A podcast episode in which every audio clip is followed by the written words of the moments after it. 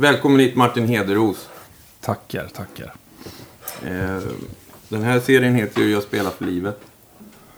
Och eh, vi börjar ju med trummisar. Och sen har vi, vill vi blanda upp det lite med lite andra fina musiker som, som gör eh, otroligt fina grejer. Så därför är jag jätteglad att du är här idag. Ja, men vi har snackat om det ett tag. Gött att vi fick till det. Mm. Sist vi pratade på, då stod du och sprang på ett, eh, på ett springband på ett gym. Shit. Ja, ja det händer. Ja. Ja. Jagad står står jag och springer. Du bara, jag står och springer på ett... eh, Kan jag ringa sen? Men du svarar ändå. Ja, jo, det, det jag. Jag är dålig på att stänga av på det sättet. Men eh, jag brukar köra några snabbfrågor och sen kör vi igång här. Ja. Så fullständigt namn då? Karl Martin Hedros. Eh, födelseplats? Lund. Yrke? Ja, jag brukar skriva musiker och arrangör. Och, då, och, och ja, kompositör också. Arrangör det är inte då att jag bokar band utan jag arrangerar musik Ja, på noter. det gör du ju med den äran tycker jag. Tack, ja men det, det, det är nog inte det bästa jag vet men, men det, det, det, jag skulle vilja, jag brukar säga att jag skulle vilja bli åldras med det. Göra Mm. det mer och mer. Arrangera och skriva. Det, det får du väl om du vill. Ja, men jag hoppas det. Hoppas det. Kommer du ihåg eh, MySpace? Absolut. Jag kan sakna det lite ibland. Ja, För då hittar man ny musik där. just lättare än på Spotify eller? Jag vet inte, men man var inne i det där och så kunde man... Ja, ja. Och det var där jag hittade... Såg, hörde någonting som du hade gjort första gången. Det var det här eh, Hedros och Hellberg. Det var första. Ja, okej. Som, som... eh, Jag kommer ihåg att det var så fantastiskt bra. Ja, kul. Tack. Det var- ja, det, det, ja, det är jag stolt över och det, det är roligt att det inte är helt dött heller. Vi, vi är på någon sorts sparlåga och så dyker vi upp en gång varje sommar och så pratar vi alltid om att skriva nya låtar. Men nu har vi till och med gjort ett mail, jag och Mattias, till Ja. vår gamla bokare och sagt att vi ska göra comeback. Så nu har vi satt någon form av press på oss. Men, nej, men jag, jag, ser nog just det jag gjorde med Mattias ser jag ju som någon sorts språngbräda till allting egentligen faktiskt. Egentligen kanske mer än soundtrack för min del i och med att jag ofta faktiskt inte hörde sin soundtrack. Har jag, har jag insett i efterhand. Eh, det, det, det kan jag ta liksom. Det var, det var, det var rock'n'roll. Det, liksom, det handlade inte om att vi skulle visa framfötterna en och en som instrumentalister. Det var, det var ju någon större vision än så. Så. Men, eh, ja, men väldigt så här fint sorgligt. Jag kommer ihåg att det var. Hedros Hellberg? Ja. ja. Jo, men det var ju... Det började ju att vi... Vi hade ju ett gammalt band, Nyfet Nodler, som vi återförenade precis innan jul i Uppsala. Eh, och så dog det ut Nyfet Nodlers ganska mycket på grund av kanske att jag och Mattias började i soundtrack då. Att det gick en aning bättre för soundtracken för Nyfet Nodlers. Eh, men jag och Mattias, vi, vi längtade efter vårt häng som vi hade haft. Så vi, vi började spela covers ihop. Eh, tog över någon sorts juldagstradition tror jag i Karlstad. Och, eh, och det blev, första inspelningen vi gjorde var dagen efter, ja, dagen efter en av de sista spelningarna Nymfet gjorde.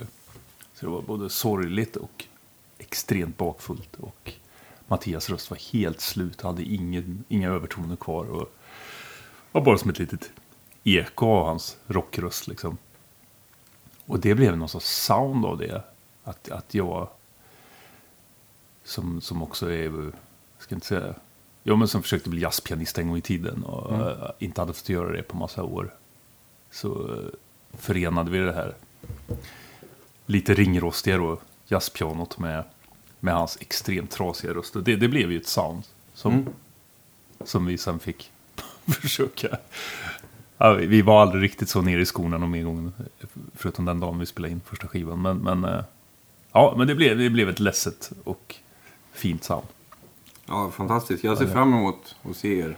Ja, nu är vi någon annanstans. Jag menar, Mattias sjunger ju helt annorlunda nu. Och har blivit m- monster, gitarrist på kuppen. Och, Så vi försöker tänka vart vi är nu, vad vi skulle vilja Du försöker förmedla nu. Du försöker inte supa ner han så att han ska vara...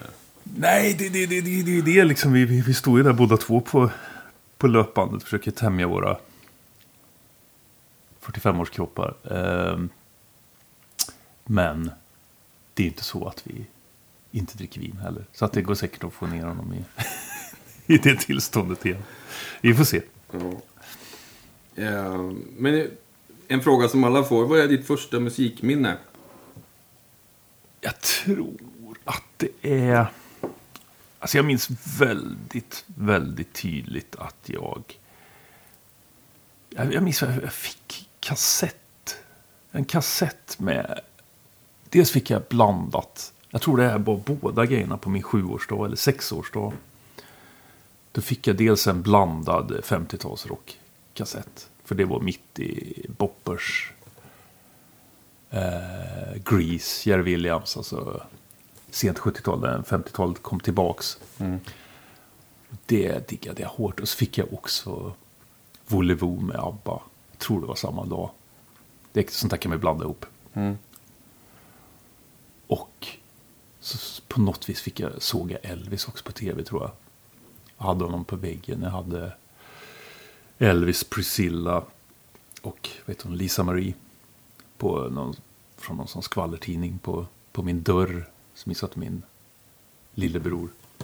Spola ner den på toan, den bilden. Att jag kände enorm ilska och sorg över det. Så jag, Mm. jag älskade Elvis.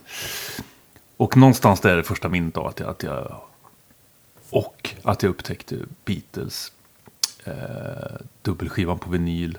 Den röda samlingen. Den tidiga. Mm. Det finns ju två samlingar, en röd och en blå. De står i en trappa och tittar. Ja, exakt. Det, det, det är också att jag sitter och lyssnar på den med vita lurar.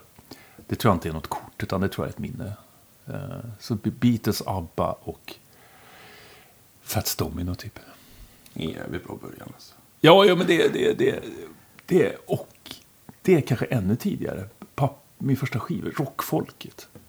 Ro- Hey ho, let's go. Hey det kan, vara, kan till och med varit året innan faktiskt. Om det var, kan varit 76 eller 77. Att jag fick den skivan, min pappa reste bort till Afrika länge, så fick jag den skivan som tröst från eh, Åhléns eller Tempo eller, i Karlstad. Ja. Det är ett starkt minne att jag spelar den om och om igen. Så. Fint alltså. Ja, jo men det, sånt där sitter ju. Ja. Det, Men då, då hade du flyttat till Karlstad när du var 6-7 år då? Vi- ja, Lund föddes jag bara i. Mm. Sen så flyttade vi till Karlstad väldigt tidigt. Sen var vi en vända i Kramfors. Det är också Värmland va? Nej, uppe i, vid Höga Kusten. Ja, det är där. Ja, Okej. det, så där eh, gick pappa den vapenfria. Man kunde göra någon form av vapenfri militärskola där uppe. Okej. eh, för att jobba i utvecklingsländer. Sandö hette ju skolan. Så därför, men sen flyttade vi till Karlstad när jag var fyra igen tror jag. Fyra eller fem. Och eh, bodde inne i Karlstad ett par år. Sen flyttade vi ut på Vischan när jag var åtta. Utanför eh, där jag sen växte upp. Mm. Tills jag, var, ja, tills jag flyttade hemifrån. På väg mot Grums. Mellan Ah, ja. Karlstad och Grums. Man följer älven liksom. Ja, nej, nej, nej. Man följer Vänern. Ja, ja. ja. Vänerns norra sida. Så där växte jag upp på landet. Från eh, 81. När kom du på att du ville spela själv då? Ja, men det kom jag faktiskt på jävligt tidigt. Alltså, eller kom på. Jag, jag, jag hade en farfar som, som spelade fiol. Väldigt fint. Eh, lite mer så här.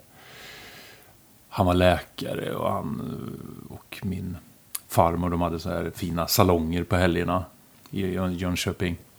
Eh, spelade pianotrios. Och han köpte tidigt en fiol till mig liksom. Så jag tror att jag började spela hade en väldigt kort blockflöjtssession. Men sen började jag spela fiol när jag var sju. Till och med innan jag flyttade ut på landet där. Och började spela, ja, första konserten var väl när jag var åtta, nio. Fruktansvärt jobbig. Jag är och var väldigt darrhänt. Så fiol var aldrig rätt instrument för mig. Men jag pl- plågade mig själv med att göra det tills jag var 17 ändå. Vad var första giget då? Det var, det var på församlingshemmet i Segersta där jag kommer ifrån. Och jag spelade upp Amaryllis, tror jag. Kan du den fortfarande? Ja, men jag kan tänka på det. Förmodligen var det så traumatiskt att jag kommer ihåg det. jag kan tänka, ja, jag, och någon gång i samma veva så sjöng jag även solo på Alla fåglar kommit ren. Det här var ju tvåan eller trean båda grejerna. Som jag, som jag, så att jag, på det sättet har jag, är jag ganska, ganska ospännande mitt yrkesval. Det, det, det, jag började spela där, sen så hamnade jag... Ja, men jag, jag, jag har fått regelbundet göra konserter hela mitt liv faktiskt. Ja, faktiskt. Var det för att du var så bra och du bara... Titta, Martin ska Nej, det, här. alltså det var ju... Det jag var bra på tidigt, det var ju... Eh, det var så här, jag hamnade in... Eh, jag gick i Vårberg skola, som är staden mellan Karlstad och Grums. Eller samhället mellan Karlstad och Grums.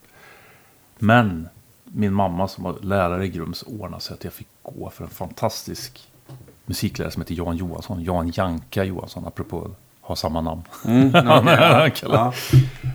Och han var fantastisk jazzgitarrist och jazzviolinist. Som hade under några år en ungdomsorkester i Grums. Som är legendarisk i Värmland i alla fall. Eh, Och eh, han transkriberade storbandsarr. Och gjorde arr på hits som var liksom på upp till 13 och Poporama på den tiden. Så blandade han det och till något väldigt... Och så var det kompgrupp med, med fioler och så några, ja, kanske varje orkester, men baserad på fioler. Så när jag, där började jag när jag var 11 år tror jag. Så jag fick, där fick jag i mig dels folkmusiken. För vi spelade även folkmusik med honom på lektionerna. Och jazz, rock. Jäkligt tidigt liksom. Och vi spelade mycket ute med den orkestern. Och även mindre folkmusikensembler då. Vi hade en ensemble som hette Svett-Ingvars, overkligt nog. Givetvis. Så, eh, och från, så, så från att jag var 11 i alla fall så, så, så, spelade vi... Och sen gick jag över. Vi spelade med den orkestern, men sen gjorde jag även... Försörjde jag mig på helgerna eh, tillsammans med min bästis Pata, Patrik Nordebring. Som också spelade fiol. Eh, Vi var på ålderdomshem, församlingshem. På somrarna spelade vi för amerikanska turister på Gustaf Fröding hotell. Så det, det, det har ändå det har, det har faktiskt giggats regelbundet för min del. Otroligt nog. Det, det var ju väldigt coolt att vi fick göra det och fick jobba med det tidigt liksom. Var det ni som styrde upp de här giggen eller var det Jag, era det kommer inte jag ihåg. Nej, Vi hade ingen agent. Nej, det, var, det var inte Luger. det var inte Lugelä. Men jag tänkte, eller var det, styrde ni upp och ringde? Hej, hej, vi, vi spelar... Jag tror att det gick. Och jag menar, det var inte så ofta. Men eh, jag kan ändå tycka att det var, det var någon sorts fickpengar man fick där. Och Som var... Nej, det måste gått några rykte. De tyckte det var, de tyckte det var roligt på 80-talet att vi stod ju där i våra fönade eh, George Michael-frisyrer och rosa tröjor. Vi var ju i övrigt, vi hade inte folkdräkt liksom. Nej, nej, ni hade så här... Nej, nej, vi, vi, vi, vi var syntare liksom. Som, och- Precis, vi var syntare, ja, vi var syntare som, som råkade spela fiol liksom. Så det var säkert en syn för gudar. Ja. Gick du musikklass i högstadiet då? Eller hur, hur? Nej, gick högstadiet i, i Vårberg, men, men spelade jättemycket då, framförallt med... Och, eh, men det var, här var ju 80, mitten av 80-talet. Eh, vi upptäckte syntarna helt enkelt. Så jag, jag hade... Vi lyckades med fantastiska fören, eller vet du, det, studiecirkelgrejer som finns i Sverige. Så lyckades vi leasa sintar från att vi gick i sjuan tror jag. Så vi hade en hel park hemma som, som vi leasade och betalade med, med studiecirkelpengar. Mm. Liksom. Så vi hade studio, ja, men fyra kanaler och tre syntar och lite effekter. Från att, i alla fall att vi gick i åttan hade vi det. Så vi, vi var totalt nördiga hela högstadiet. Vad, vad spelade ni för musik då? Nej, det var, det var ju, vi, då var det ju, det var, ja men Ratata var väl våra Ja. absoluta förebilder liksom. Eh, så det gjorde jag i högstadiet. Och sen kom jag in på musiklinjen då, i Karlstad. På, på fiol först, men switchade ganska snabbt över till piano, och komposition och arrangering. Liksom. När jag var 17-18. där.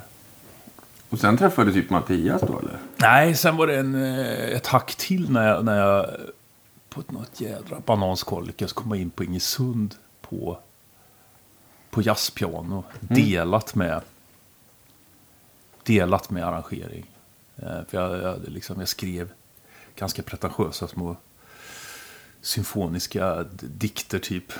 som, som i någon sorts egen påhittat tonspråk som jag lyckades komma in med. Kombinerat med att jag hade blivit, börjat bli hyfsad på, på jazzpiano. Liksom.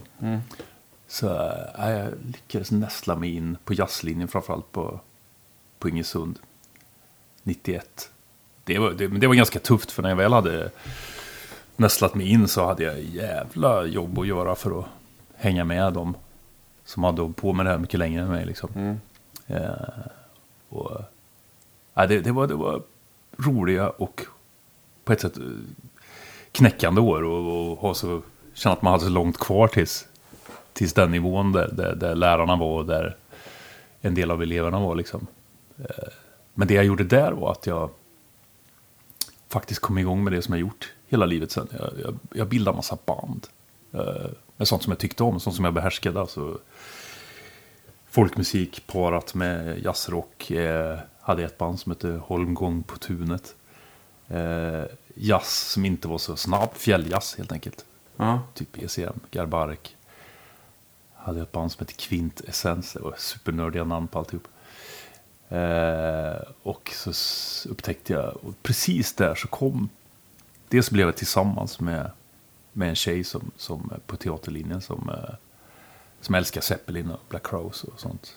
Eh, och sen kom Atomic Swing där precis och Lenny Kravitz. Så det hände något där liksom att det började spelas Hammond igen. Och de tog fram Rhodeset på skolan. Och, så där startade jag väl också, ja vi startade ett rockband också helt enkelt.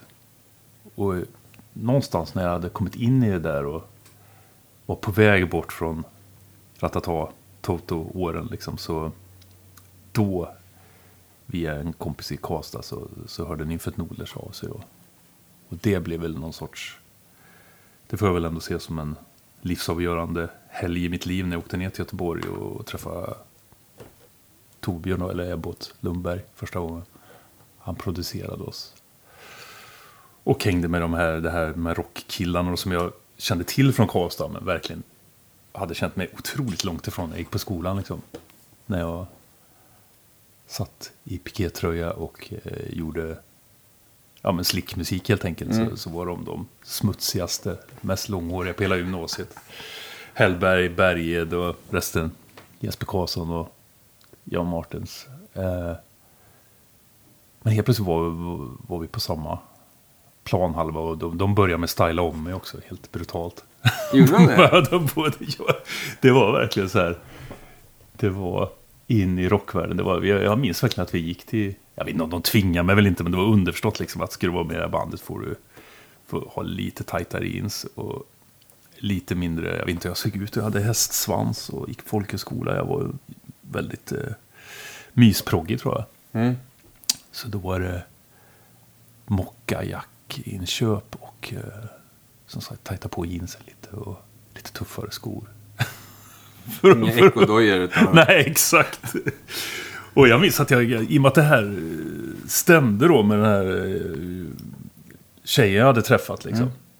Och med hennes, så tänkte jag, men vad fan, jag gillar ju det här. Det här är, det här är grymt. Det hänger på. Det, och det hoppas jag enda gången jag har gjort någon sån riktig makeover. Men, men den gjorde jag. Jag lät mig villigt. stöpas om till, till rockkille. Till rockkille. Så då kom du hem till Karlstad och så var du rockkille när du kom. Ja, eller i Arvika bodde jag då. Så, så dramatiskt var det inte. Jag har ju aldrig haft tatueringar och piercing. Jag är inte så jävla rockig. Jag har, aldrig, har jag inte varit. Men eh, det var någon inka-väst som rök och som sagt lite filt. Mer filtplagg som rök där. Till förmån för rockgarderob. För, för när vi var små var det viktigt om man var hårdrockare eller syntare. Ja, just det. Sen så bytte ju folk. De kunde ju komma liksom veckan efter. Men nu är jag hårdrockare för att jag tycker om det här bandet. Precis. Nej, men i, i Vårberg så slapp jag det här i och med att vi, vi, vi var... Vi, vi gick så där... Eller jag fick, jag fick stryk en gång för att jag var syntare. Men vi gick ganska fria annars från det där för att vi... Alla visste att vi spelade. Att det var... Vi var precis hopplösa ändå liksom. De sitter i sin källare och, Lyssna på Alphaville. och lyssnar på Alphaville och eh, drömmer om att vara Morris Gocko liksom. Så att... Eh, så jag behövde nog aldrig välja det där utan... Men... Eh, ja, som sagt, som, som 19-åring där så... Nej, ja, 20, 20 var jag precis. Skulle fylla 21. Då hände det grejer.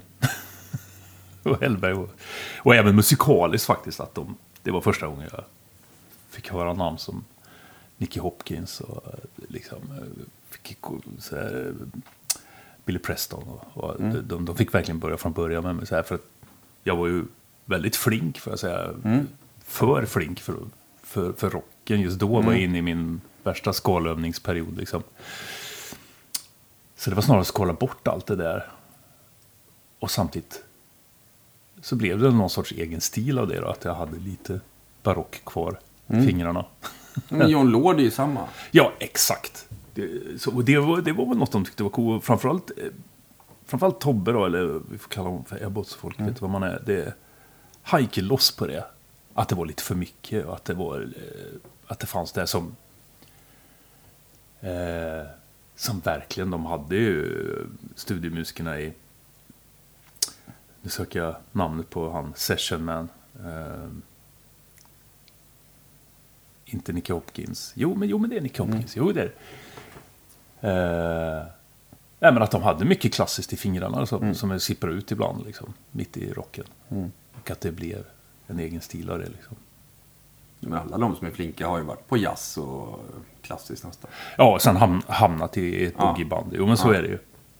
Jo, men så är det ju. Manzarek också i, så Ja. i Doors. Så. Så att du är i gott sällskap. Jo, absolut. Men, men eh, det, det, man, man fick sig några... Man fick sig några smällar man... Eller man, man, jag, jag minns att jag hörde det också. Nej, det här är, det, det, det var inte snyggt med de här färgningarna här. Och det, det här, mina vanliga... Liksom elva fingrar i ackorden, det, det funkar inte liksom. Nej. Så någonstans så... Samtidigt som jag hörde det själv så fick jag höra det från producenten. Och, Så han bara, tre fingrar, tre klanger. Så här. ja, men liksom... Rätt, ja men lite så. Rätt. Rätt tre fingrar. Ja. Så är det ju. Men då, då spelade ni in den här skivan och Ebbot var producent liksom? Ja, vi, vi börjar med en EP eh, och sen spelar vi in en fullängdare året efter. Med, med Tobbe båda två. Ja. Mm. Och det gick rätt bra va? Ni fick så här bra... Ja men liksom, ni fick bli uppmärksammade av MC5s... Eh, ja, var det, det blev vi.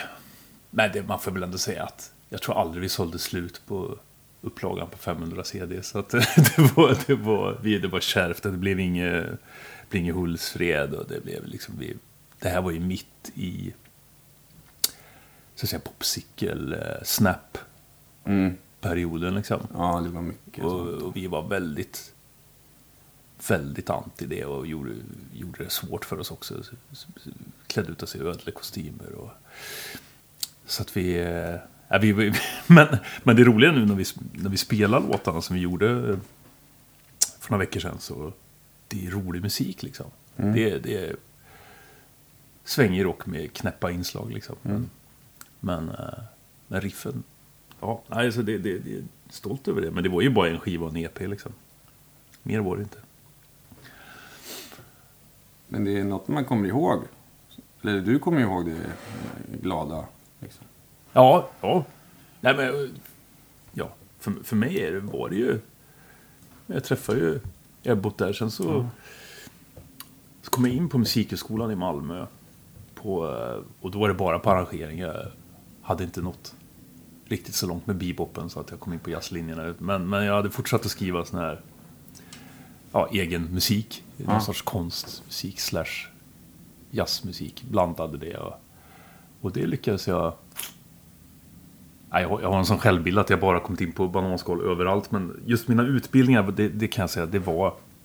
Det, det, de, de kom in på, på precis. men det så? Ja, ja, ja, jag, kan, jag kan ha förändrat det med tiden också. Men jag, men jag lyckades fall komma in i Malmö där. Så gick jag där ett år. Och jättebra utbildning. Det är som en hantverksutbildning. Man börjar från Palestrina och man jobbar sig fram till eh, Mahler. Så gör man pastischer i alla genrer liksom. Och till slut så får man tillgång till en orkester och gör ett examenssymfoniskt verk. Parallellt med det läser man storbandsarrangering. Liksom. Vad kul. Så det var grym, grym utbildning. Men, men då, då hade jag någon sorts försenat tonår. Liksom. Jag har ju suttit där inne, suttit i källaren med syntarna och sen hade jag övat på övningsrummet på skolorna. Och så träffade jag de här roliga människorna liksom, i, i, i Nymfet och i Unicaba då, som jag var med i Vicka i. Eh, så jag kände, och samtidigt kom ju Nirvana, eh, kom massa bra musik där. PJ Harvey, Juliana Hatfield. Jag upptäckte massa och hade ett, även ett punkband där jag spelade bas. Eller ett lo-fi-band kan man säga. Så att jag bara kände, nej, jag, jag måste, måste hoppa av, jag måste spela rock. så att jag hoppade av efter ett år i Malmö där och skrev ett långt brev till min eh, linjeföreståndare som jag tyckte väldigt mycket om. Bara att det här är helt perfekt men det, det funkar inte just nu. Liksom, jag måste pröva typ åka minibuss och satsa på mina band. Ja. Så det, det, det var väl lite, lite modigt ändå, kan jag tycka. Men, väl- och, och ja, gott verkligen. i efterhand. Eller gott, jag, jag, jag kan ju sakna dem. Jag har ju jobbat mycket som arrangör, framförallt sista åren. Och det är klart, jag hade inte skadat att avsluta de där två åren. Varför då? Men det, det- är ju det- Martin Hedros ju. Du kom ju in och bara, hallå? Nej, fan. Nej, men det, det, det, var, det var skönt att jag ändå val, valde med hjärtat där. Och, och det var... Det, det, det var nymfet, men det var också... Jag tror att jag kan ha efterkonstruerat det, men, men det var någonting med... Med, med Ebbot då, helt enkelt, som var hans kraft. Jag, jag visste inte att han skulle bilda soundtrack då, och att jag skulle vara med i det, men... Det var jäkligt kul när jag var med. Jag var med typ fyra spelningar på Unicorn sista turné. Det gav också så här. Det var ju lite större än Nymfet och lite större scener. Man fick smak på det där. Eh, nej, så då, då hamnade jag i Göteborg och, och sen drog vi igång efter knappt ett år. Så drog vi igång bandet. Hösten. Hur, var- hur startade det då? Eh, soundtrack? ja. Jag vill minnas att det var gradvis övergång från Carbide. Carbide gjorde en avslutningsturné, sen var det någon festspelning där fortfarande trummisen Henrik Rylander var med. Men det var nya låtar som Björn och Ian och, och Tobbe hade gjort. Och jag var med där. Och sen plötsligt så var Fredrik Sandsten med på trummor och så var det lite mjukare allting. Lite poppigare och lite, eh, ja, lite mer melodiöst och mer körbaserat. Än, än Carbides rifflåtar. Och sen gjorde, spelade vi in demo hösten 94. Om jag inte minns helt fel. Och sen så... Sen var det ett band helt plötsligt. Hur kändes det då? Ja, men det kändes det var jävligt spännande. De var ju liksom lite äldre än mig och uh, ny stad. Och, och sen blev det ju jättesnabbt någon sorts hype kring det också. Det hade jag aldrig varit med om. Jag hade ju liksom läst sound effects och pop och sådär om andra band. Och jag vet inte ens om jag hade haft pojkdröm och, eh, och vara med där. Men, men helt plötsligt var vi med där och faktiskt Ja men Hultsfred, det började, det började väl på Hultsfred 96 egentligen kan man säga. Man kände att shit. Nu får man vara med om det där. liksom med, Ja men allt hände samma år där med, med, med liksom första tv, eller liksom Grammis och, och Hultsfred. Och allt det där som vi inte hade fått med, med Nymfet. Fick vi ju snabbt med, med soundtrack. Så det var ju... Ja, soundtrack hade liksom flera eror där vi både upp och ner liksom. Men det där var ju första upp.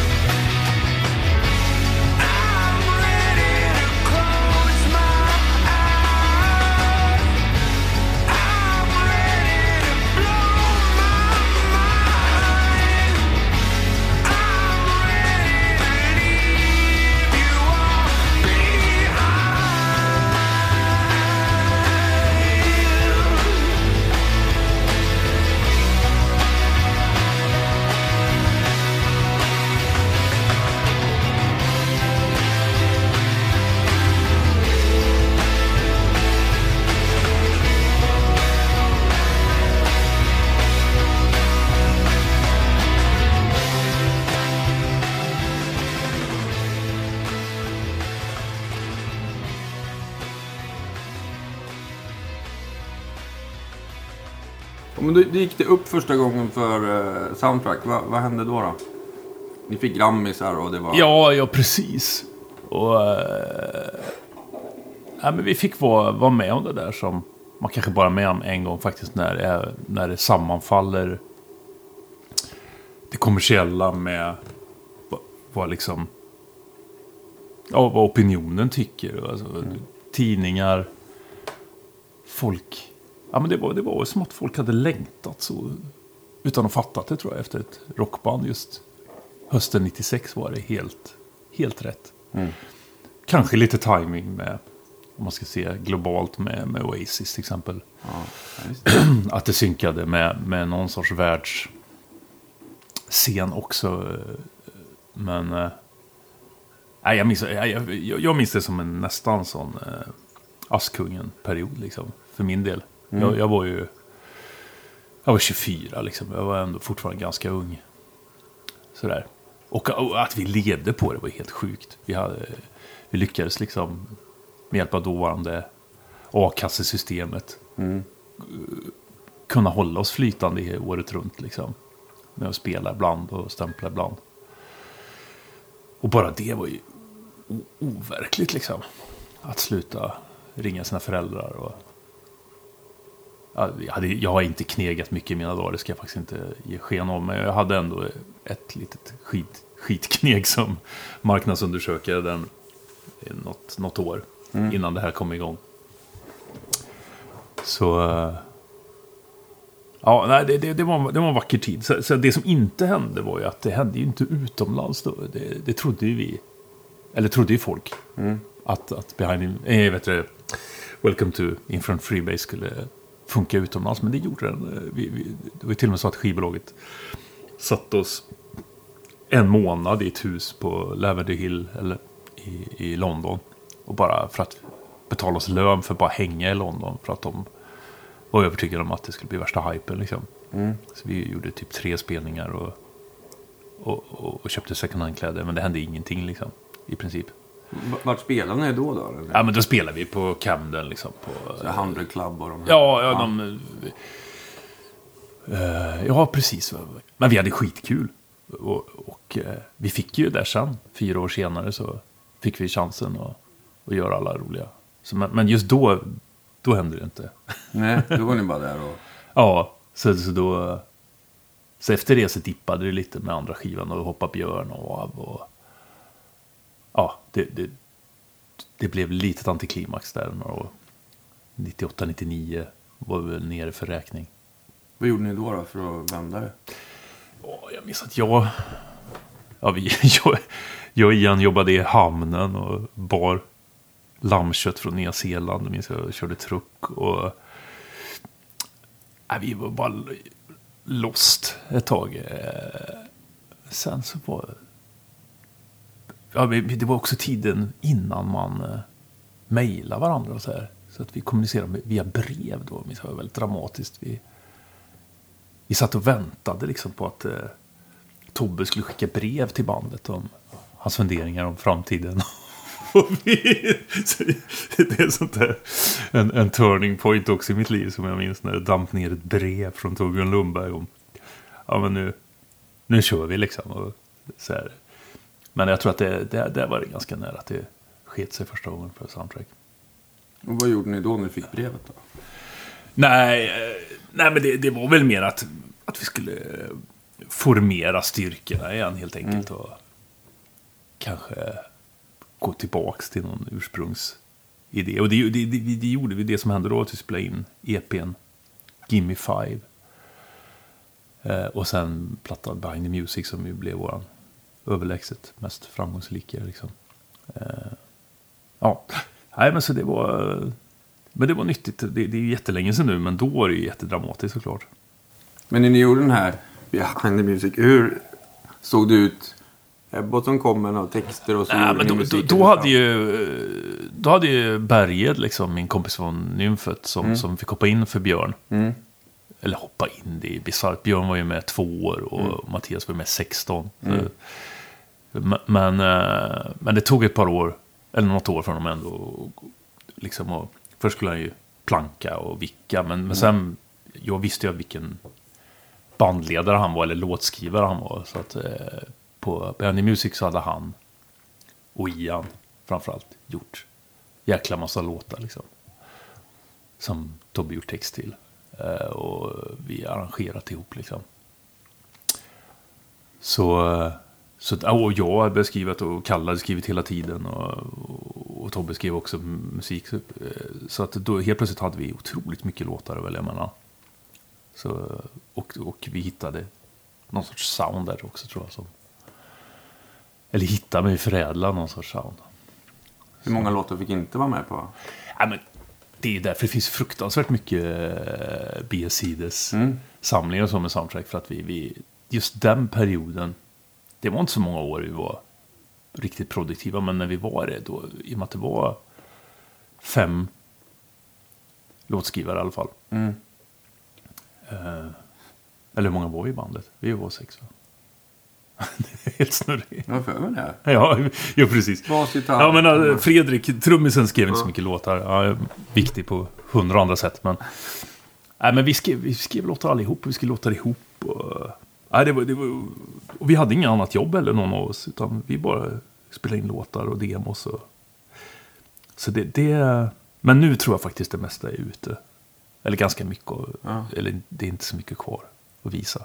Men alla de här körerna, kommer ihåg, det var så jävla bra. Det är bra körer liksom. Ja, Men var det, var det du som jobbade fram dem? Nej, verkligen inte. Nej, det, det, det är ofta Tobbes. Tobbe är ju liksom oerhört förtjust i Beach Boys Mm. och Birds.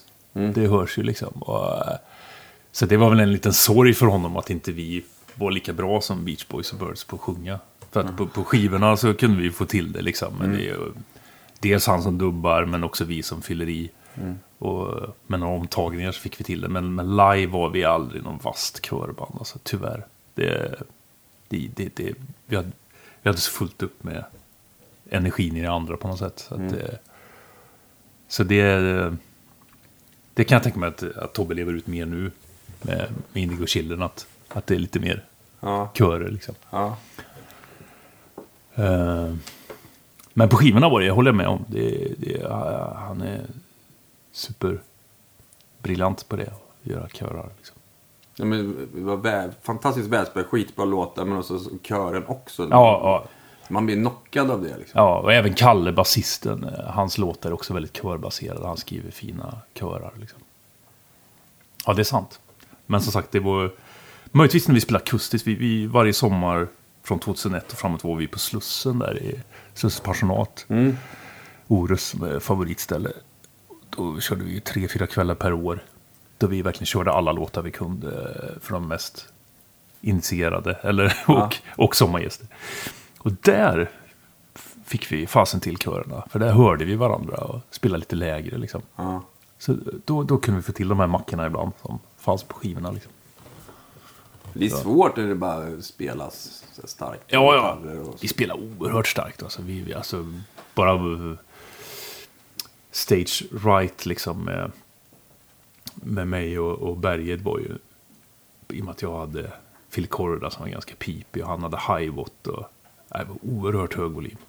Vilket har satt sig på våra öron. I efterhand såklart. Men... eh, ja, men så var det. Men då började det hända grejer. Ni kom ut på den där Behind the Music. Ja. Jo, men då plötsligt så... eh, Ja, men via olika showcase då, där ja, Alf Olofsson var inblandad som vi pratade om förut. Du och jag. Eh, först i England, i Manchester och sen på By Southwest i, i Austin, i USA. Så fick vi de här kontrakten som vi inte fick på de första andra skivan. Universal i USA, som, som hade muskler och var superpepp på oss. Ett tag. Ja. ja. Så då fick vi göra hela den där resan liksom. Och det är väl, det får väl ändå sägas vara piken för, för bandet. Alltså både, ja vi hade jävligt kul ett par år där och det gick ju förhållandevis bra liksom. Vi blev ju aldrig världsstörst. Men vi, vi, vi, vi, var ju, vi spelar ju på alla tv-shower man kan göra. Och, ja, fick ju göra Coachella och fick ju liksom göra de här grejerna man, man drömmer om. spela med bra. Ja. Så det var, det var ju häftigt att få göra en trippel. Men ni var ju bra. Ja, vi var väldigt bra live där också. Vi, Ja. vi spelar ju så... Jag har ju suttit och sökt där musikeralliansen någon gång, så jag har ju gått igenom de där åren liksom. I alla fall en del av dem. Eh, och vi spelar fruktansvärt mycket. När, när vi inte... Ja, men som man måste göra för att slå i USA liksom. Vi spelar inte ens tillräckligt, vi går ju upp efter ett tag liksom. Men om man tänker Hives och Sounds och sådana band var ju fortsatt att spela Ja. så mycket. Men vi, vi hade i alla fall ett par, tre år där vi... Där man kör egen turné. Eh, och sen kör man förbandsturné till något stort. Och så kör man egen turné igen. Alltså det är det är som att det överlappade. Det överlappade varandra hela tiden liksom. Nästan. Ni åka buss i USA. Jag åka buss i USA. Och det tråkiga för mig var ju då att jag precis hade fått mitt första barn. Precis när det smällde. Han föddes 22 juni 2001. Det var ju typ samma dag så kändes det som att vi fick kontrakt och, och det började hända. Och, så att jag, jag, för mig är det blandad känsla också inför de åren att jag hade fruktansvärt Ja, fruktansvärd hemlängtan och dåligt samvete. Kombo med att jag var på värsta trippen liksom. Var väldigt dubbla känslor. Jag förstår det. Så eh, det, i den bästa världen hade man gjort det där innan liksom, såklart. För ni åkte med Oasis va? Ja, vi körde, körde ganska mycket med dem. Både, både USA, där de ju inte var... Eh, det var ju stora teatrar, 3 500. Mm. Så finaste scener man kan göra i USA. Såna här gamla sammetsteatrar i liksom Chicago, och Philadelphia och New York. Och, och sen så hängde vi med dem till England och blev, men vi blev väl deras favoritförband i, i de här åren. Det här, nu snackar vi 2002 till 2004. För man läste i tidningen så att eh, de hade liksom kollat in era riff och de kunde alla dem. Och så. Ja, men Noel i alla fall var ju sjukt fan av eh, just Behind the Music. Ja, Jag tror att han... Ja, han diggade den helt enkelt. Mm. Det, och det hjälpte oss jättemycket. Han, han stod på scenen när vi spelade och visade för sina fans att han gillade oss. Och pratade om oss i intervjuer. Och, nej, han, han, han har verkligen hjälpt oss mycket. Liksom. Och, nej, det var väldigt, väldigt roliga turnéer med dem. Så åkte vi med Robert Plant ganska mycket också. Fy fan vad mäktigt. Framförallt i USA.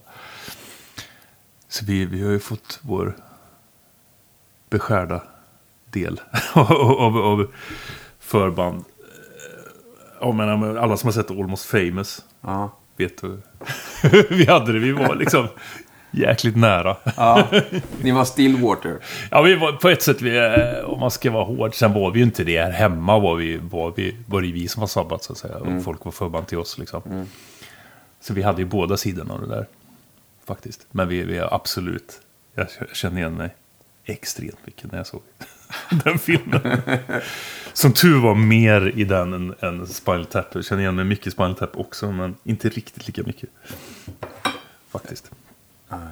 Men körde ni några låtar med, med de andra ibland så här?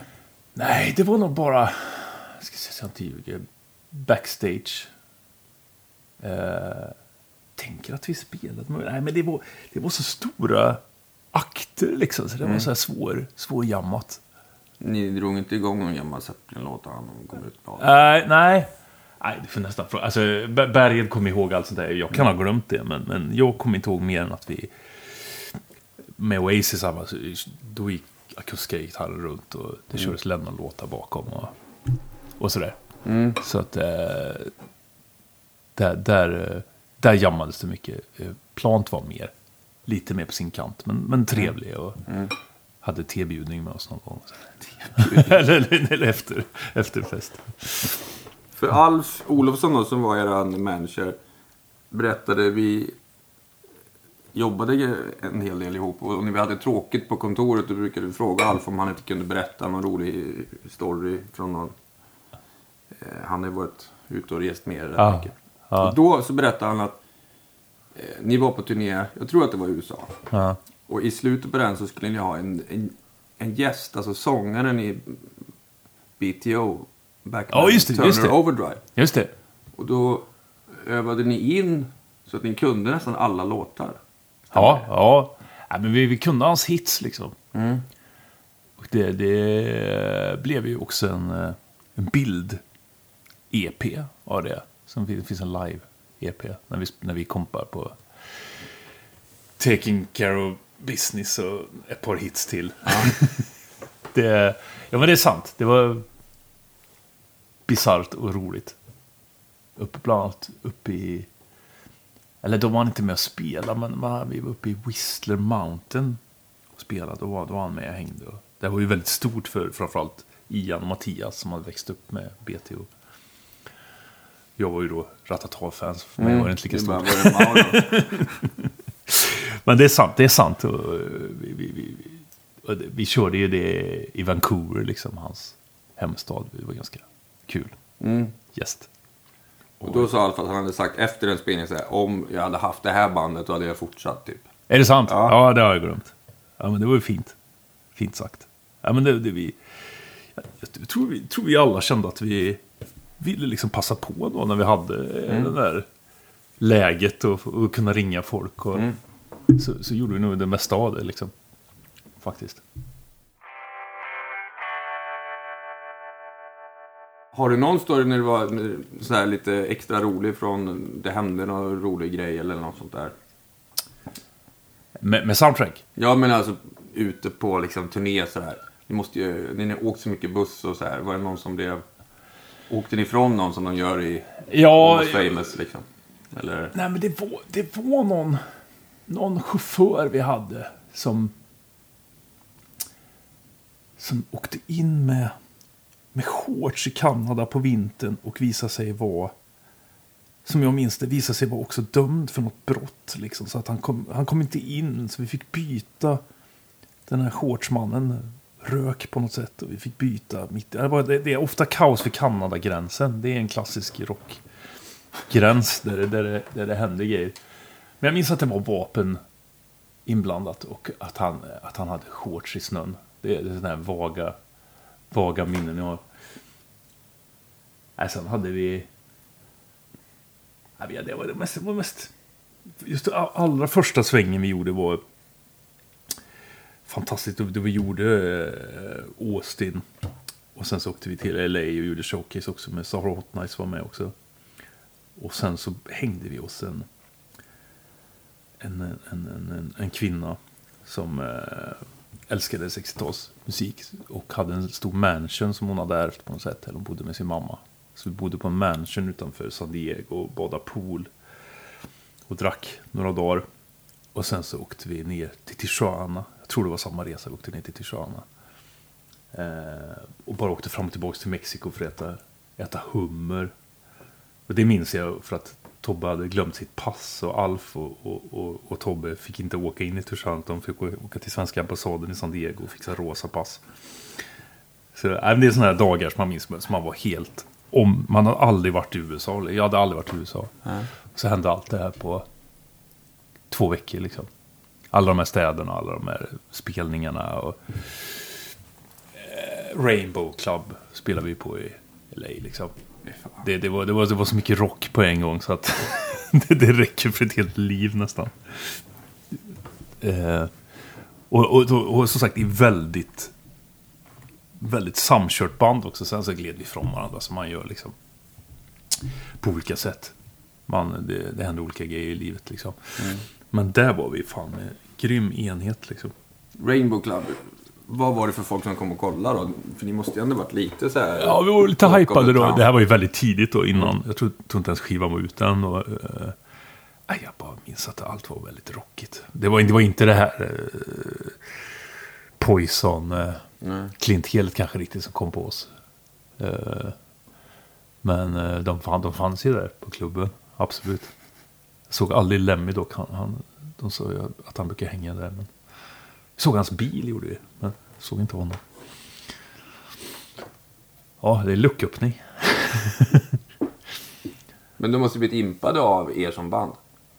Ja, men det, vi var ju bra live. Vi hade ju, det var ju inte så att vi... Vi hade ju förberett oss många år liksom. Vi hade ju hållit på i sju år liksom. Sex, sju år innan det här hände. Så vi... Så hittade vi också vi hade ett jävligt bra sätt. Liksom. Vi hittade sån här kärnfullt som vi kallade classic rock tror jag. Så det sätt, som var liksom i precis samma i två år. Liksom. Som var baserat på Binary Music. Men som var ett, ett grymt sätt. Alla som spelar musik vet hur viktigt det är att hitta en bra låtordning. Liksom, både på skivor och live. Och vi hittade verkligen en låtordning som vi kunde knäcka folk med helt enkelt. Ett, ett intro och, ett balladparti med, med min pianoballad där, Tonight, när vi hann. Och, och så någon klimax i, i slutet. Och det var en dramaturgi liksom som, som vi ett par år tror jag gjorde väldigt bra intryck med. Vart vi än kom liksom. Vad var den första låten? Det var eh, oftast eh, Infra Riot. Vill jag minnas. Och sista låten innan Äkta det, det, ja, nu, nu skulle du... Nu skulle du... Ja, det, det kan vara 21st century rip-off faktiskt. Ofta, tror jag. Och sen gick ni upp igen och Ja. spelade. Ja, men då tror jag vi försökte få dem att förstå att vi hade gjort några bra låtar innan också. Så då körde vi nog Instant och, och sån Mantra Slider och sånt. Körde ni några covers ibland för att det var kul? Fan, idag kör vi det här. Eller det gjorde ni aldrig? Men mer och mer på slutet. Men inte, inte där, där var vi för fokuserade för att... Men sen när vi liksom sänkte garden lite på slu, sista åren då körde jätteofta Ace of Spades faktiskt på sista åren. Och bara för att det var så roligt att spela. Vad gjorde du då? Jag bankade, bankade något djävulskt på Roadset bara tror jag.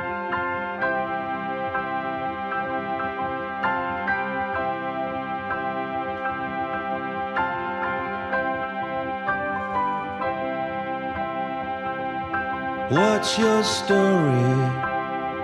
What's going on in your mind? And what's the trouble that you're leaving this time? What's your story? What did you learn to do? And what did you say when they were picking on you? I got worries, but you know they're all mine. On your way to find your goal with a purpose to unfold. And the people all around you seem so strange. Cause everything you know's about to change.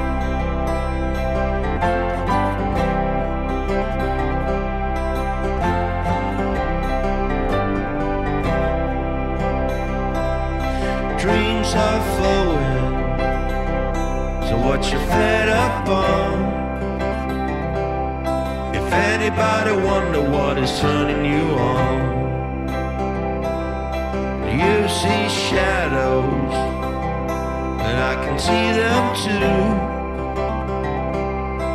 When I'm looking at somebody like you, there'll be answers that be true?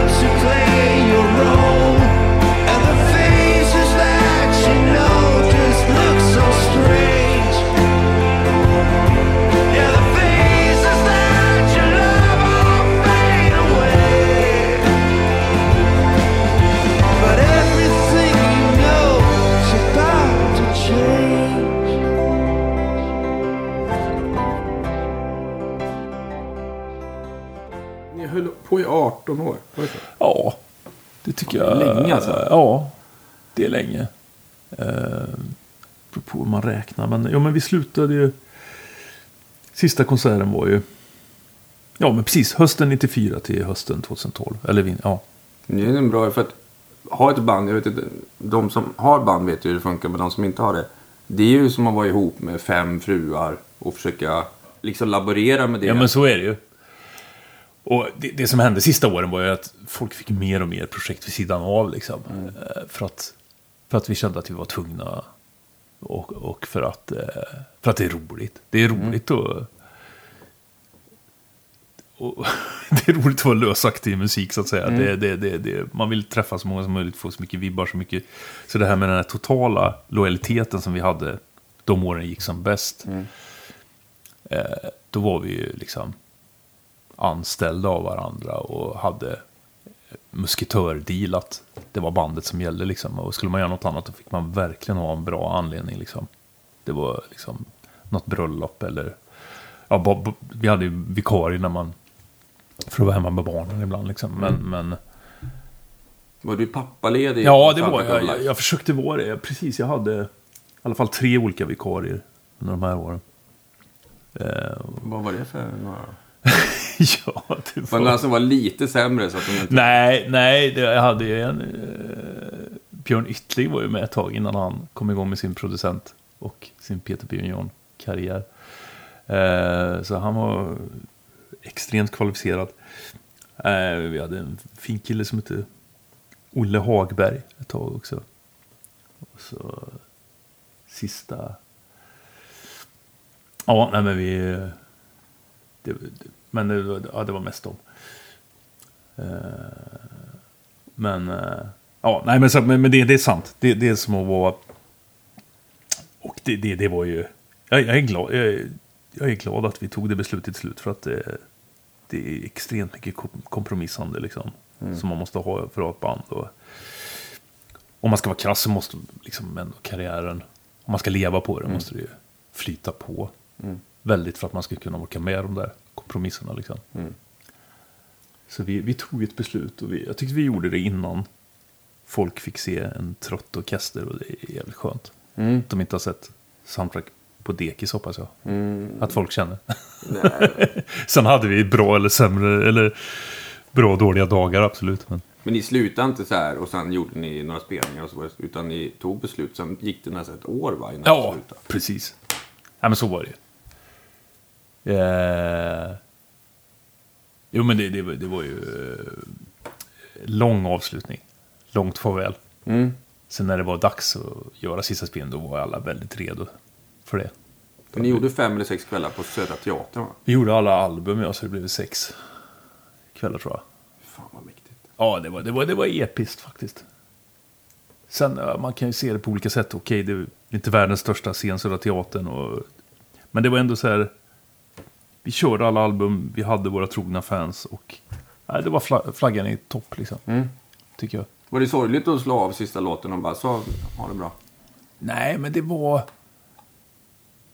Det var jäkligt sorgligt eh, dagen efter tyckte jag. När det verkligen var definitivt. Alltså inte sorgligt för att jag skulle vilja starta det igen. Utan mer bara eh, känslan av eran som, som var över. Då, då grät jag en hel del minns jag. För det var, det var verkligen som en ungdom som var över också. Och, ja men drömmar och...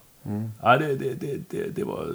Då, var, då minns jag att jag åkte och firade jul i, i Göteborg och bara jävligt... eh, Ja, det, det, det kändes. Just när vi slog av så var det, så- det var så mycket volym och rock och så här. Så Ja. då, då kände man inte de grejerna riktigt. Men, men det var skönt, det var skönt med tydliga avslut ibland. Får ni erbjudande om att starta upp bandet igen? Så här, någon festival som bara, kan inte ni köra? åt?" Ja, men li- lite, men in, inget som är... Har varit tillräckligt intressant för att någon ska var. orka göra det. Ja, men jag tror att vi... Och sen, och sen när man gjort det där eh, stora avslutet, man- jag tycker man är skyldig att hålla sig borta faktiskt. Mm. Som till exempel Hellacopters verkligen gjorde, tycker jag. eh, Mm. Att man ändå väntar. I alla fall. Ja, men fem år är ju ett minimum. Nu är det fem år för oss. Ble, eller var i julas. Mm. Men jag tycker det är nästan... Nej, det ska vara ett rejält... Alltså, det måste verkligen i så fall bli en, en comeback. Liksom, som, och att man känner att folk längtar efter och att vi längtar efter. Vi, vi är inte där än. Liksom. Känner jag i alla fall. Jag var ju med Alf, jag och Alf var på någon sån här, eh, det är ju massa så här konferenser när det är musikmänniskor ses från hela världen och det är massa amerikaner och du vet så här, folk Ja, i bransch, bransch, bransch. Och då träffade vi någon här amerikan som var någon hotshot. Och så pratade vi och så sa Alf, ja men jag brukade jobba med Soundtrack of Life. Så sa han, That's the only band that came from Sweden that was really good. Okej. Det var det, han bara, alla andra sög men Soundtrack of Life var bra tyckte han. Hårt mot de andra som är bra. Men, eh, Mm. ja. Nej, men jag, ho- jag hoppas och tror att vi har någon form av eftermäle som är, som är bra. Det tror jag också. Men eh, det är gott att det får vara så. Sen har ju jag turen att vara med i ett nytt band som jag älskar. Så att det, det, Det gör ju sorgen mindre. Så kan man ju lugnt säga. Just Ja. Emil var med och spelade. Emil som spelade med Caesars Palace bland annat. Han var med också. Jag hade... Ja, det var flera. Så, alltså vikarierade för mig Mm. på orgel. Fick man ansöka om liksom pappaledigt då? Så här, ja, om sex månader tänkte jag vara pappaledig här. Ja, men lite så. Lite så var det. Man fick ju flagga. Eller några gånger så var det bara att det var för... Ja, min, jag var för trött och min fru var för trött. Och det var bara, det var, ibland kom det ganska snabbt på liksom. Eh, Men det, jag minns att det var skönt att ta det där beslutet. Och, och att se att, att musiken fortgick ändå. Liksom. Så att, eh, jag tror att alla prövade det till slut utom Tobbe. Mm. Alla hade vikarie någon gång. Mm. Det är svårt att ta bort. ja, nej, det var, det var, det Liksångaren var, det var hans eh, öde. Han, han kunde inte vara borta. Men då körde du på ännu mer med tonbruket? Eller, ja, det fanns ju parallellt med det här. Ja, men sista åren fanns det. Vi drog igång 09 då, sista tre åren. Och ja, men jag minns till och med sista året att jag gjorde prioriteringen att faktiskt ta vikarie i soundtrack för att spela med tonbruket sista året. Och då kände man ju ändå att man var på väg. Men då hade vi redan bestämt oss för att sluta. Men jag kände väl rent krasst att det var jäkligt mycket mer utvecklande för mig där jag var och, och spela med, med Dan och, och Johan och Andreas i tonbruket. Det var, det var liksom en sån jävla kick för mig. Få improvisera mer och ja, det, var, det kom i rättan tid verkligen. Hur kom ni på att ni skulle starta det bandet? Det var Dan och Johan. Det var ju i samband med att Esbjörn Svensson gick bort. Så hade Dan och Johan spelat för länge sedan. Så vet jag att Johan ringde Dan och kollade läget bara och var med honom. Sen tror jag storyn är, eller jag tror det var så att de la på och så två minuter senare så ringde Johan tror jag igen. Eller om det var Dan. Nej, Johan igen tror jag. Och så sa han, men vad ska vi inte göra låtar? Och sen så började de göra låtar. Och så ringde de mig ganska tidigt i processen tror jag. Så, och jag var, ja men apropå min jazzutbildning där, jag var skräckslagen först när han ringde. Jag, eller det sjuka om jag ska dra hela den historien så hade jag, jag inte så mycket liksom för spöken och varsel och sånt där. Men jag hade verkligen en dagdröm om att, för att jag hade träffat honom på, stått på scenen på Grammis på Globen med Dan. När de tog emot sin Grammis fast utan Esbjörn. Och stått, gråtit en skvätt och kramats. Liksom. Vi hade, jag kände hans fru, så vi hade träffats någon gång förut. Och sen så efter det så, så minns jag att jag gick i Hägersten och hade någon konstig jävla dagdröm om att tänk om han ringer mig. Om han, om han vill spela igen och så ringer han. Alltså jag hade, det var nästan voodoo-läge på det liksom. Och, ja, han gjorde banne med det ganska exakt när jag gick och drömde om det där. Men då blev jag livrädd och sa bara okej. Underförstått. Du spelar med världens bästa pianist. Liksom jag, jag kan inte spela snabb bebop. Jag kan inte göra feta jazzblockackord. Du kan inte räkna med det här och det här från mig. Liksom. Jag bara sålde in mina dåliga sidor på ett bräde. Till honom. Jag blev livrädd på ett sätt och var överlycklig samtidigt. Och han bara, nej men vad fan, det är inte det jag vill ha nu liksom. Jag ska ju starta ett nytt band. Och du, du, du måste komma och testa i alla fall. Liksom. Och så, ja, men så började vi, började vi där. Våren 09. Och det ja men jag kommer från ett rep idag. Det är, vi är faktiskt fortfarande kvar i det där. Med den där glöden som, som jag berättade om som Soundtrack hade där några år. Vi, vi har banne med kvar den efter snart tio år. Det är fantastiskt. Att det är spännande liksom.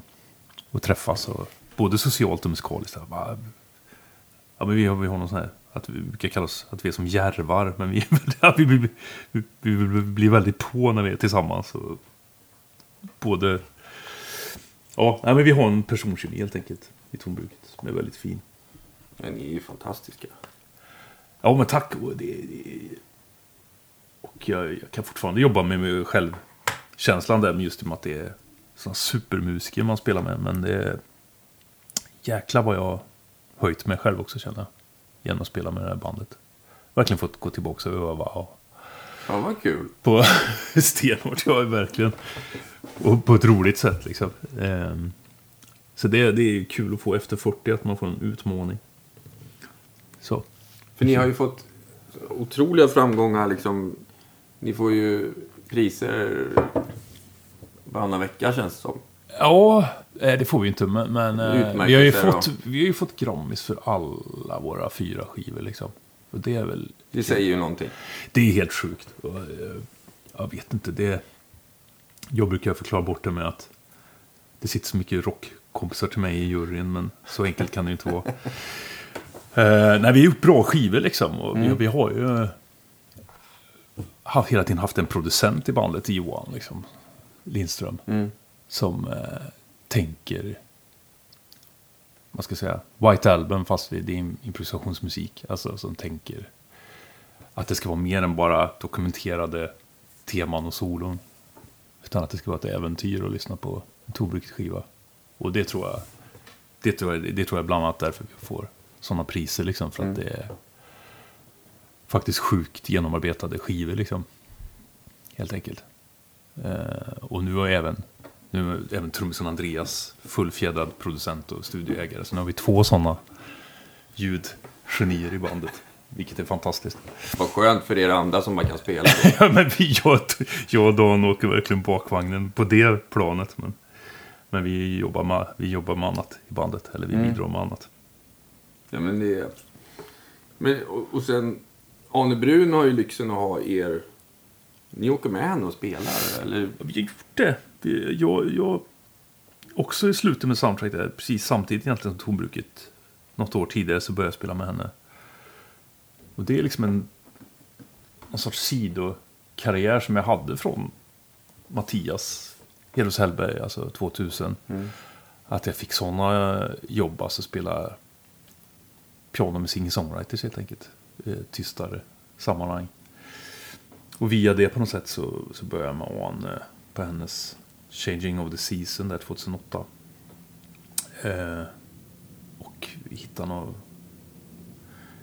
musikpartnership med henne som, eh, som, eh, som fortfarande också känns väldigt... Det är liksom... Jag, tänk, jag tänkte på det när, när nya året började nu när jag kom tillbaka och varit i Jämtland två veckor och ska starta upp ett nytt år. Hur, hur min musikvardag ser ut liksom. Och då, då, då är det ganska symptomatiskt att första dagen när jag kommer hem första mån i måndags nu så är det liksom klockan ett ska jag träffa Tombruket liksom och börja repa för nya skivan. Och strax innan så ringer Hans bokare och manager Micke Gustafsson och kollar upp hur, hur året ska vara. och, och sen så även har jag en, en, en, ett tredje inslag som är en kompis i, som bor i Paris som heter Peter von Poel, artist, singer-songwriter och producent. Som är, kanske står för 30% av mina, mina jobb. Eh, och där är jag arrangör, jag skriver eh, och pianist. Men jag skriver mycket arr till honom. Så alla de tre hörde av sig samma förmiddag. Eller liksom, jag skulle träffa Tombruket och de här. Och det, det, det, var- det, det är min... Är en, en av mina bas... En, än så länge i alla fall, hoppas jag. Att det får fortsätta vara så på olika sätt. Men hon har ju rätt att välja vilka hon vill, men... Men vi... Ja, jag, jag, det har varit så sjukt roligt. Och sen 2013 då, så... När vi skulle göra, vad heter det? PSL live. De, när, som de hade att en artist skulle möta nytt komp. Eller, då, då förde de ihop Tombruket och Ane. Mm. Och ja, det verkar som hon ganska snabbt kände att som hon skulle vilja ha det kompet. Så då fick jag med dem i det där. Slapp jag den konflikten också. och, Ja, ta, och, ta, och ta ledigt eh, från något av det andra för att göra det. Så det har varit sjukt roligt. Det är ju, det är ju fyra år nu ändå som vi som Tombruket har varit basen i hennes band. Och, tillsammans med Ola Hultgren som trummis. Ehm, nej, så det, det är liksom mina huvud, huvudgrejer på något sätt. Men det är ju så mycket talang i... i det är inget sätt, det är sjukt. I Tombruket? Ja, men, Eller, och, och så plus Anebrud, det blir liksom så här, det går nästan inte att... nej, men det, det, har alltid, det känns väldigt lyxigt, gör det. Och det känns som att hon... Stort av henne och ändå, som ändå är liksom singer-songwriter och, och, och konstnär, artist och har sin egen vision. Att hon vågar släppa in så knäppa musikhjärnor. Och, och låta oss ändå, i, inom vissa ramar såklart, men ändå blomma ut på något sätt. Det, det tycker jag är, hedrar henne. Absolut. Verkligen. Hon sa när hon var här att hon brukar dansa mer nu och vara lite så här för att ni spelar på. Då dansade hon. Ja, ja hon har ju släppt. Det började hon faktiskt med skivan innan Tombruket kom med att släppa, släppa gitarren till förmån för, ja framförallt för, ja, men för trummor och, och keyboard liksom. Eh, hon är helt grym på att dansa också. Så det blir, det blir väldigt bra. Faktiskt. Nej, hon är fin hon. Jag, det är vissa möten så här, men det är liksom Hellberg, Ebbot. Ja, och så... Ja, men sen är det liksom Ane, Tombruket. Ja, men det är vissa sådana här viktiga dagar i ens liv som man kommer ihåg när man träffar vissa människor som Ja. betytt väldigt mycket för en. Och hon är en av dem. Verkligen. Men kom ihåg att du har betytt mycket för dem också. Ja, bästa fall. Jo, men det har jag ju. Det, det, det, det, är ju det är ömsesidigt, hoppas jag. Det är klart det är. Ja, så är det ju.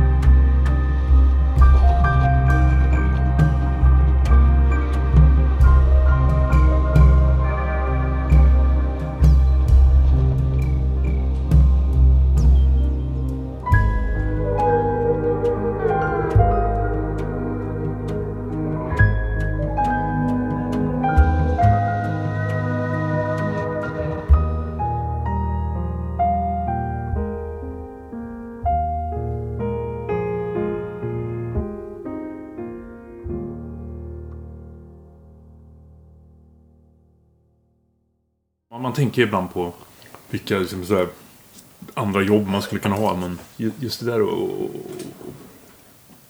Jag hade ju det delvis lite grann nu i Uppsala förra året. Att jag fick boka en konsertserie. Det kan vi prata om. Ja.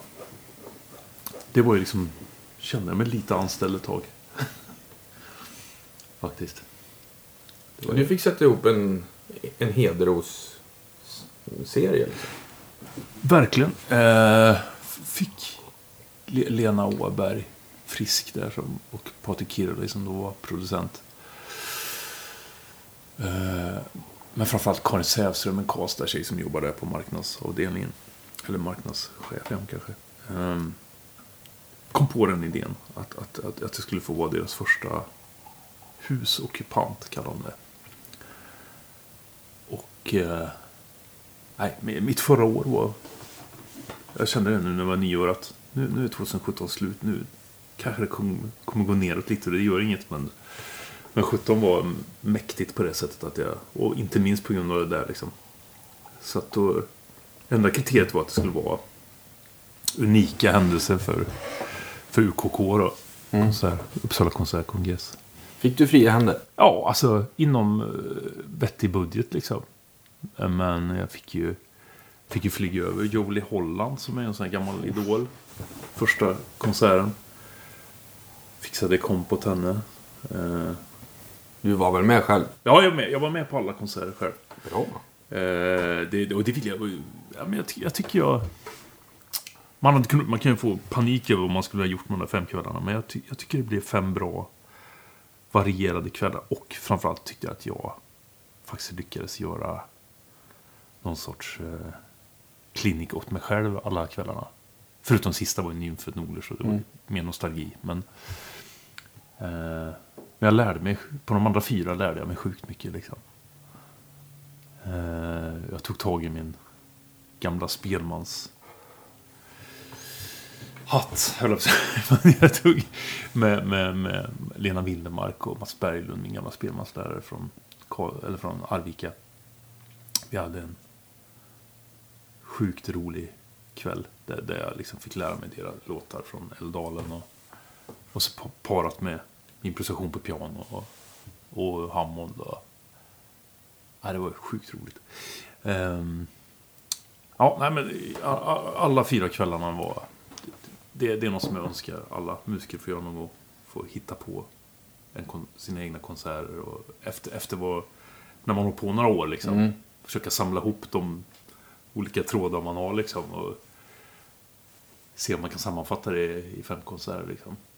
Vad var de andra? För du har nämnt tre saker, eller fyra. Ja, det, det började med Jolie Holland och, och sen så var det, hade jag ju precis släppt min piano, första pianosoloskiva.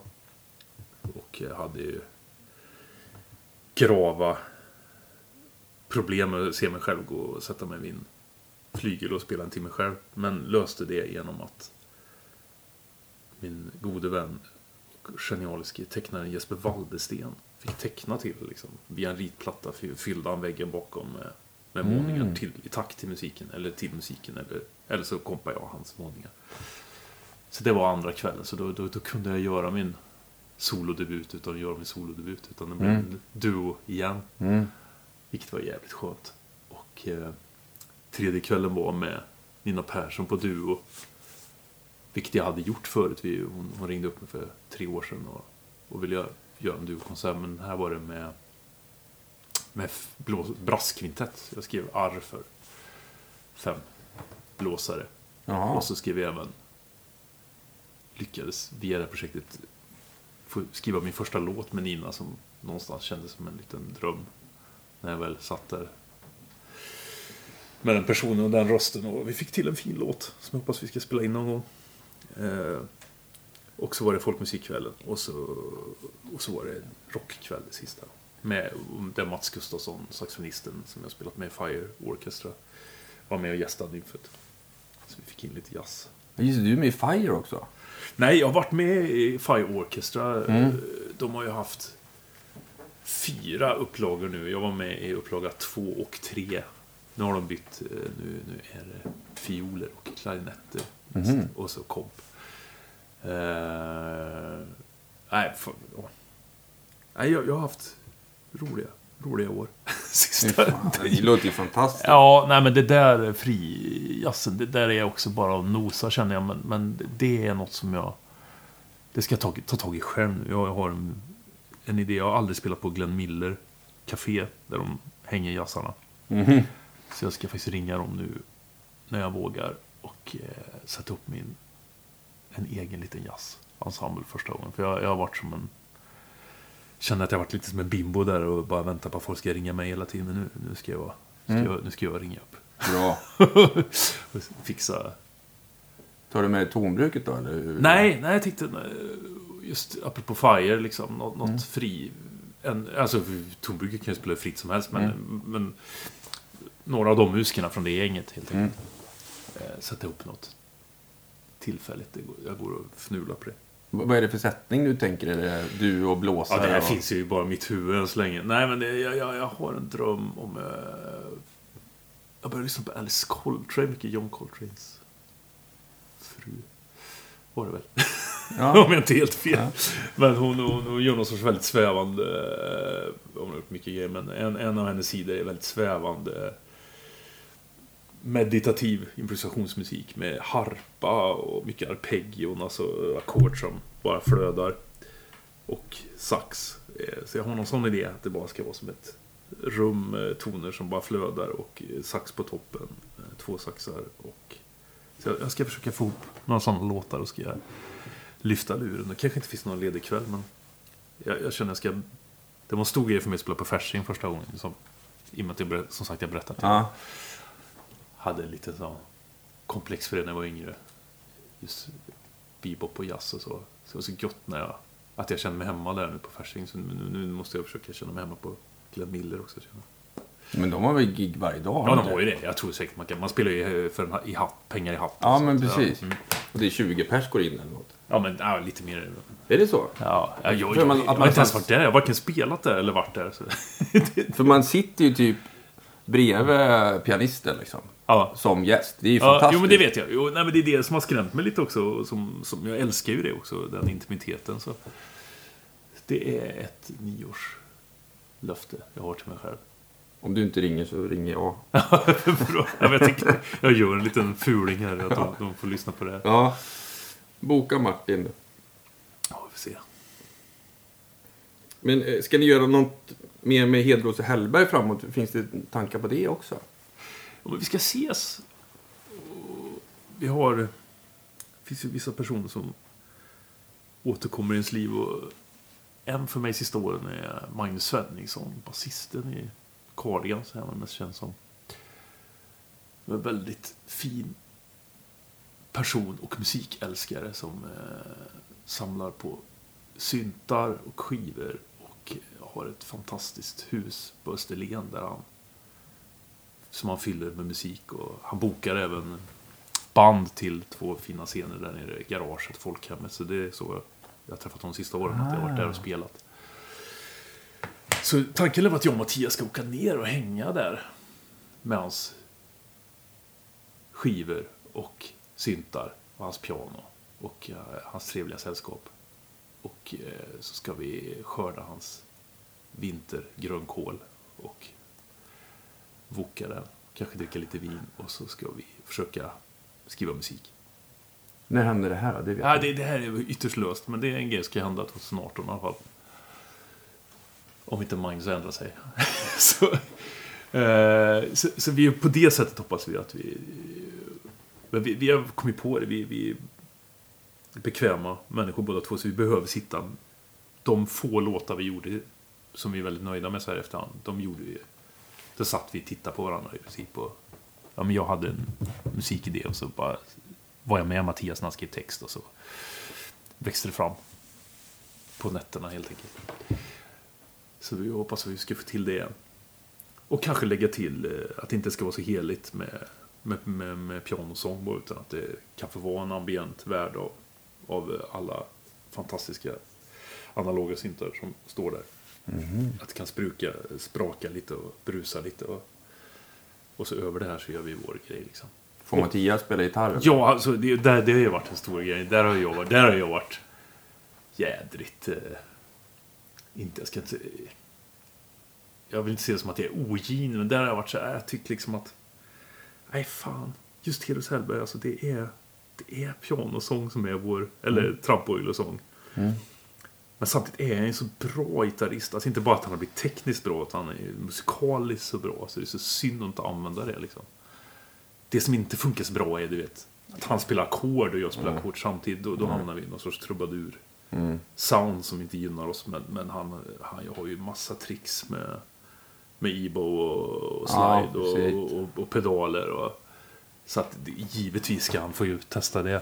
Lite rymd... eh, Ja, ja, ja. hela hans dubb-sida liksom. Så att jag tror vi skulle kunna hitta något där. Vi, vi har gjort en ny svensk låt som är ganska som någon sorts Filemon Arthur and the Dung slash Peps utan baktakt. Ja, vi ser vad det blir av det där.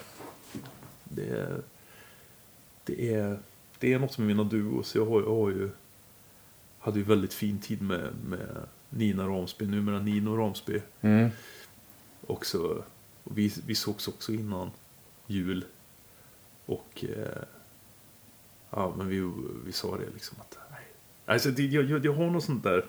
Man vill, det, man vill ta- dra igång nya grejer, men just de gamla duosarna, Nino och Mattias. Det känns som att det kan faktiskt bli en nystart. När tid finnes. Ja. Hoppas vi får till alla de här grejerna. Ja, Det är tur du inte har något dayjobb alltså. du, ja. Nej, nej det är...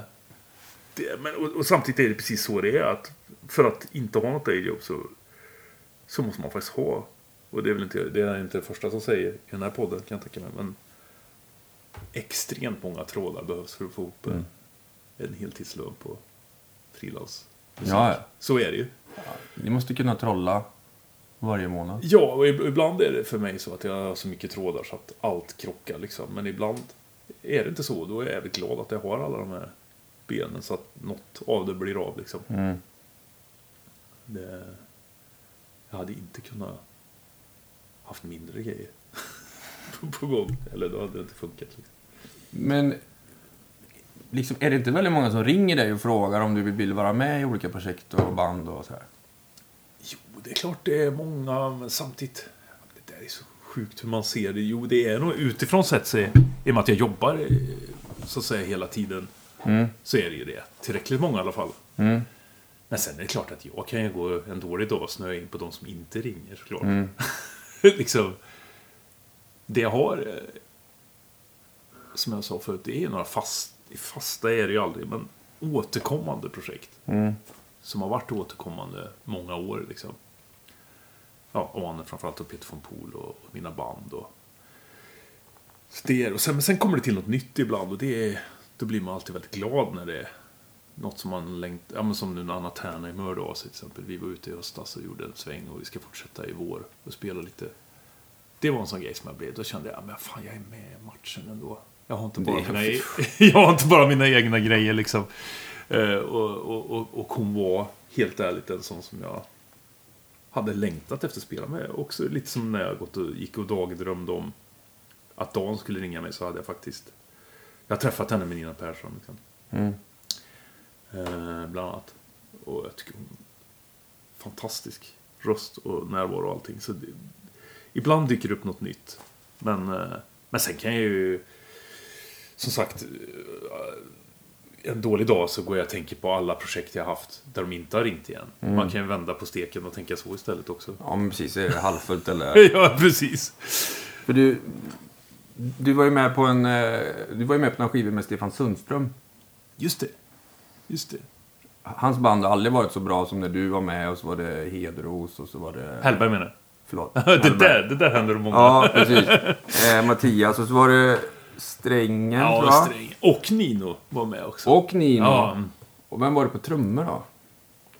det, det var ju... Fucking höll jag på att säga, men det var ju ingen mindre än Anders Härnestam. Exakt. Världens svängigaste trummis nästan. Eh, Och så var det någon eh, på bas som hade skägg. eh, ja, precis. Det var Stefan Björk ibland och så... Men det var någon annan också som... Ja, så var det på... Ja, norsk eller? Nej.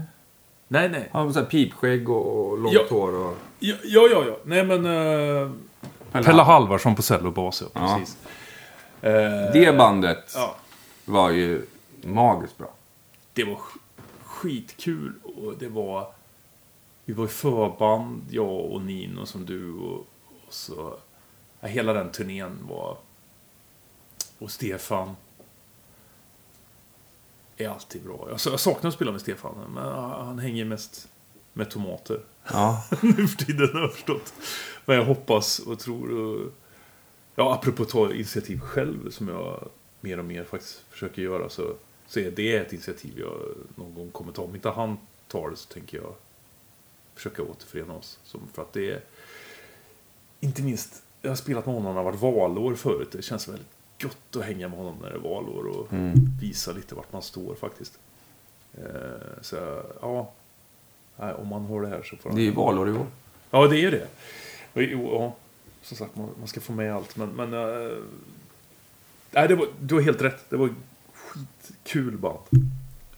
Och, och det var precis skärningspunkten där mellan hans Stones sida och Mm. eh, den mer så här, vis, jazziga sidan. Eller man ska säga. Vi fick ihop båda de delarna med det bandet liksom. Det är någon låt som heter Vit, hit, Vitmanshytt, eh, när du spelar... Ja, Wickman sitter trall. Ja, Shit, det är så bra sätt. det här har inte jag hört för länge. Men det, den är lite så folkjazzig va? Ja, du spelar tramporgel, Jaha, ja, ja. tror jag. Ja, kanske. Ja, Just det, just det, just det. Jag tror att det är tramporgel. Det låter som det i alla fall. Just det. Eh, Vi, var du med när ni, gjorde, när ni spelade in med Burman i, i Atlantis? Det var eh, helt... Det var ju hans sista skiva han gjorde, Burman. Ja, det var ju... Och då var det lite olika. Då var ju Nicke Andersson med ibland också. Mm. På, på trummor, men... eh, ja, men apropå... För vi pratade om den här låten eh, Låt dem gå. Ja. ja men det är ju... Du och jag pratade innan vi började spela in om, om Robert och Dahlqvist-strängen. Det är där som ju saknas oss båda och många andra. Eh, där är han ju i sitt esse verkligen. Är fruktansvärt bra gitarrsolo. På ett sånt där sätt som... Ja men om någon säger att de inte gillar gitarrsolo så borde de ju höra den låten. Och han får två chanser också.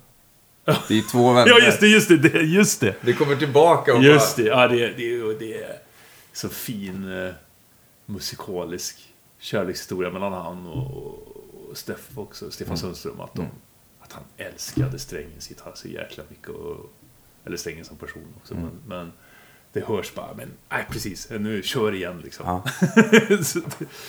Det, nej, det, det, det, det, det var en fin, det var en fin era med, med Stefan vi hade och inte minst med, med vi gjorde ju även Weeping Willows minus Magnus och jag gjorde ju även eh, den här Allan Edwall-plattan. Ja, Och det var, det var ju så vi började jobba, jag och Stefan. Eh, det var ju kärt minne också, verkligen. Var nere på Tambourine-studion i, i Malmö. Och så jäkla fina låtar. Och, ja, de är så bra. Weeping också. Ja fruktansvärt. Ja, så, Men just den eran, de skivorna ni gjorde med Stefan, det, är- det, fan, det är väldigt... Det är fan milstolpar. Tycker Ja, jag i svensk musik på något sätt. Ja, jag är st- stolt, stolt över det. Och just att det är texter som betyder något också som folk... Nej, men jag hoppas att han inte har gjort sin sista skiva, Stefan. Att han kommer ut i växthuset snart. Vi får För en, ringa. en kort stund i alla fall, så han hinner spela in några låtar. Han var med oss och gjorde någonting här i våras. eh, Ja, I Atlantis. Ja, Det okej. tyckte han var kul. Med fullt rockband och så var Goran Kaifes med. Och Ja, ja. Det var jävligt roligt. För, för den här Babel-grejen? Ja. Ja. Så han fick en text utav Göran, Göran Greider. Gör en dikt om sin dotter sista dagen på dagis. Ja, Och hon säger när de så här, jag vill gå om dagis eller något sådär. ja okej. Och det gör han en, det gjorde vi en The Band-låt av. Typ. Ja, ja. Fint, det måste jag kolla Ja. på arkivet. Eh, så det var kul. Men jag såg att du hade med dig, kan du spela lite grann på fiolen? Ja, ja, just det, det hade jag inte tänkt. Jag hade med den för att öva på den. Du kan få öva lite här. Jag ska... Lite nya låtar nu när jag spelar med Lena Willmark och Berglund. Så jag försöker hålla igång dem. Eh.